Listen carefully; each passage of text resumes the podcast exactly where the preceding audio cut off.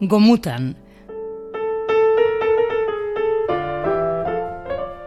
Bilboaldeko historian barrena, Hector Ortegaren eskutik.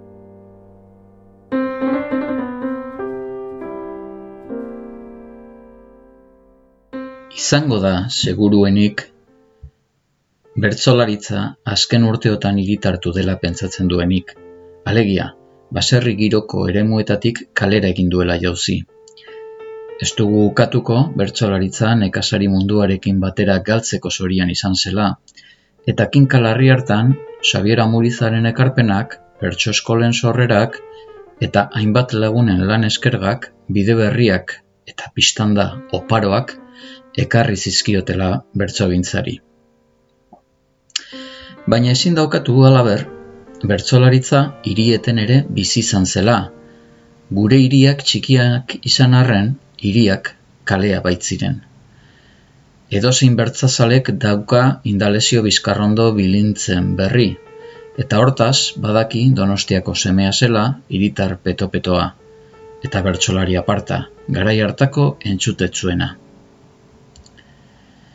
Bilbok eta alboherriok ere eduki dute loturarik bertsolaritzarekin. Uraetzen urrutiko jarduna bilbotarrentzat, abandotarrentzat, begoinarrentzat edo diustuarrentzat. Eta aspaldiko kontua da. Ikusi, bestela, amabosgarren mendean zer kantatu zioten Bilbon, preso sekarten salinasko kondeari. Lelori lelo zaraileloa, Bilbaun katigu dago salinasgoa kalean bera burua basuan daroa, zerrete dan amoradu gaixoa.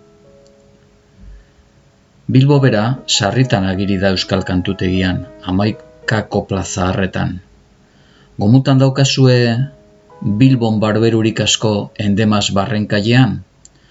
Edo Mauriziak, bai, Maurizia aldaiturriaga zeberiostarrak, Fasio eta Leon alboan zituela kantatzen zuen Banengon nengoanian, Bilboko kontzejupian, antxe pregunteunen duen sagarrak segan zirian. Koplaz gain, bertso paperak eman izan ditu Bilbok. Hama sortzi mendearen erdialdean, Bilboko doneiako elizan euskarazko biantzikoak argitaratzen zituzten gabonetan. Eta ura tradizio luzea izan bidezan. Sortzi mendearen ondarretan eta emeretzi mendearen lehengu urteetan, abandoko San Francisco komentuan beste horren beste egiten zuten eta. Soka luzeari, emakume batek, Bizenta Mogelek, eman zion segida mende hartako bigarren eta hirugarren hamarkadetan. Bertso paperaiek lehengo gerra karlistar arte iraun zuten, egin kontu. Gerra ostean ere, bertsolaritzak lorratze derrak lagazituen gurean. Ona lagin bat, Mila sortzion da berro eta mazazpian, zorrotzan babestu zen Emilio Arrieta Nafar musikaria.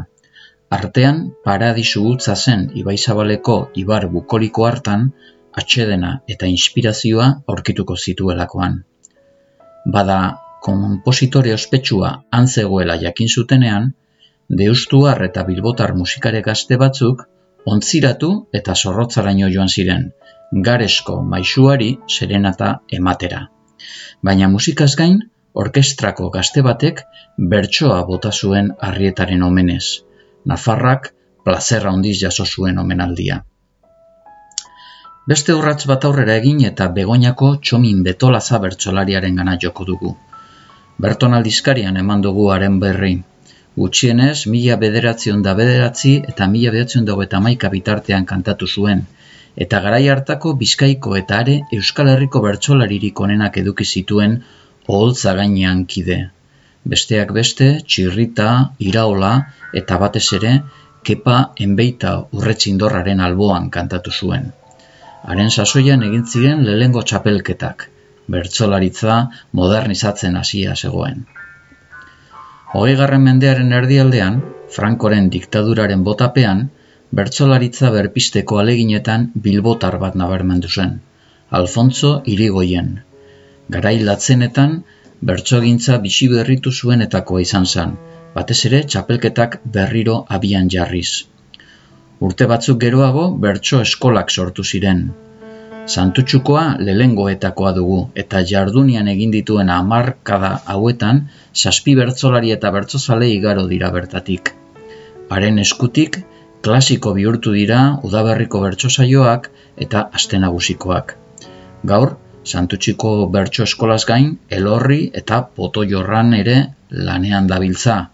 Irratzaioak, Bilbo iria irratiko potxo kasu, Bizkaiko txapelketako finalak, lehen harriagan miribilan orain, Bilbos da ez deusa bertso gintzen. Gaur egun, oian abartra dugu Bilboaldeko bertsolaririk ezagunena. Baina ez da Bilbakarrik. Gazte eta heldu asko diar dute eskoletan, ikastoletan eta pertso eskoletan bertsogintza lantzen, hitzaren kirol nazionala Bilbotik berritzen. Lara lara Bilbotik berritzen.